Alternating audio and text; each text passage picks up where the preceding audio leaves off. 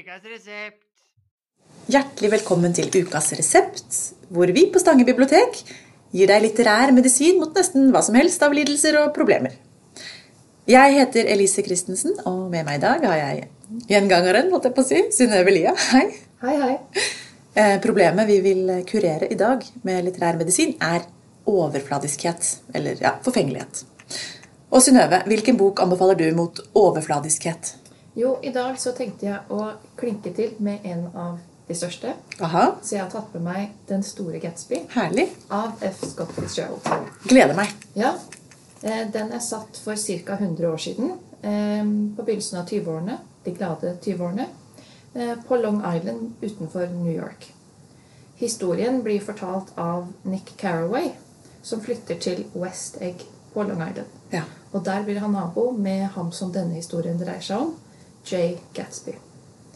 På East Egg, som da ligger i nærheten til West Egg, men som er et mye mer fasjonabelt strøk, eh, som, ja, der bor de rikeste av de rike.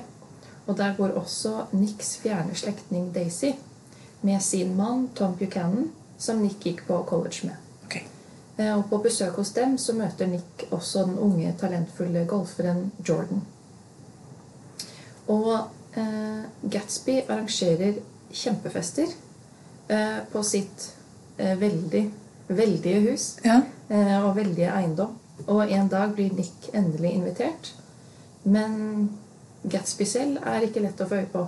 Nei. Han holder seg i det skjule og jeg observerer festen mer enn han deltar i den selv. Ok, Han inviterer masse folk til overdådig luksusselskap, men er på en måte ikke med. Ja, Hvor mange han faktisk inviterer, er ikke så sikkert, men det er i hvert fall veldig mange som kommer. Alle vil dit. Alle vil dit.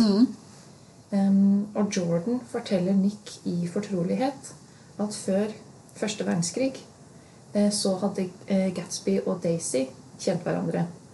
Um, og så lurer man jo da på kan det ha seg slik at Gatsby eh, arrangerer disse kjempefestene i håp om at Daisy en dag skal stikke innom. Ja. Vil han imponere Daisy, tror du? Det virker jo sånn. Ja. Om at hun skal se hvor flott og flink han har vært. Ja. Og suksessfull og ja, Ja. det hele. Eh, Og i denne boken så møter vi på ganske mange ulike former for overfladiskhet. Ja. Altså de som kommer på festen til en rik mann de ikke kjenner. Ja. Ehm, og spesielt Gatsby og Tom. Mhm.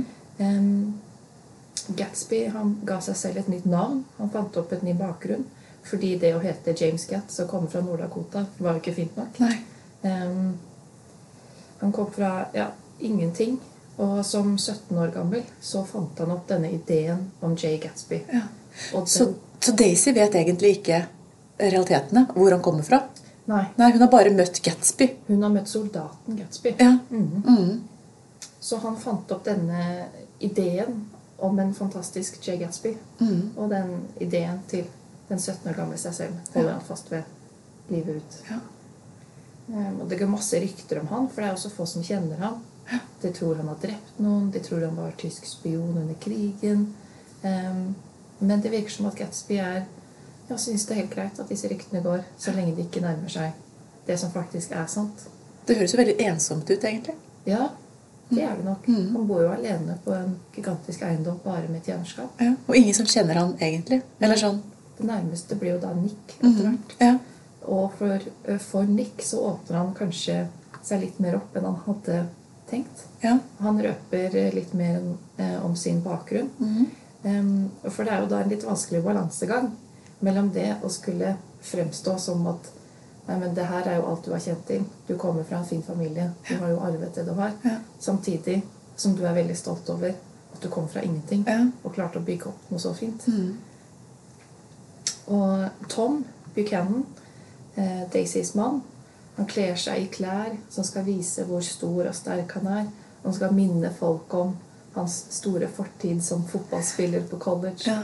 Fordi det var det beste han fikk til. Um, og han skryter av at han har lest vitenskapelige verk, selv om han egentlig ikke husker om det var sånn eller sånn. Nei. Han, ja, Det høres veldig slitsomt ut at alle prøver å imponere hele tida med å være en annen. Eller å Det er jo det det handler om. Ja.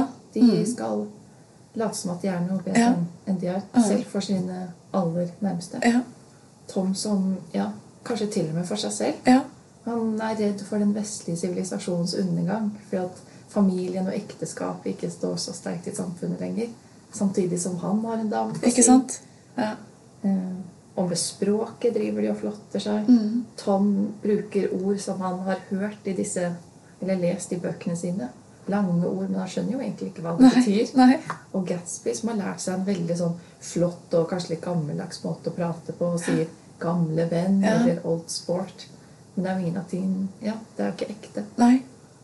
Hvordan var boka å lese? Var den tung å lese? Nei, den er ikke tung å lese. Nei. Den er heller ikke lang, Nei. så den anbefales. Hm, Så bra. Mhm. Tusen takk.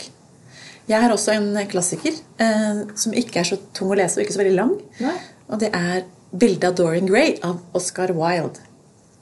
Og jeg måtte bare lese litt om Oscar Wilde, fordi ja, han er, jeg har jo hørt mye om han, men jeg vet jo ikke så mye om han egentlig. Um, han var en smarting. han snakka tidlig både fransk og tysk. Og utmerka seg veldig på universitetet. Og jeg syns det bare er så trist, for han var jo altså, en fremragende forfatter og intellektuell. og kunne bidra så mye til verden. Og siden han da var homofil eller bifil og hadde forhold til menn, så ble han satt i fengsel og dømt til straffarbeid. Og døde bare 46 år gammel i Paris. Fattig og trist. Ja. Mm. Men uansett, vi har jo i hvert fall eh, arven fra han fortsatt, og vi kan lese bildet av Dorian Gray, eh, som jeg syns er en veldig fin kur mot overfladiskhet. Um, den handla om Dorian, som er en ung, særdeles vakker ung mann, uskyldig og snill, eh, som blir malt, han blir portrettert av en kunstner som heter Basil. Ja. Eh, Basil har en venn som heter Henry, som kommer på besøk. Og han er litt eldre, ganske kynisk type, veldig sånn overfladisk type. Snobb. Eh, og han forteller da eh, Dorian hvor utrolig vakker han er, og hvor viktig det er å være vakker, og hvor heldig han er som er vakker. Og at livet hans kommer til å gå nedenom og hjem når han begynner å bli stygg, for alle blir etter hvert stygge og gamle. Og Dorian blir da Oi, guri, ja, jeg er jo skikkelig pen. Å, jeg er så heldig, og det er jo det som betyr noe. Og han ønsker veldig veldig sterkt at han skal få bli vakker resten av livet, mens bildet, det portrettet, skal eldes. ja. Så det er jo på en måte, det, det er jo det som skjer.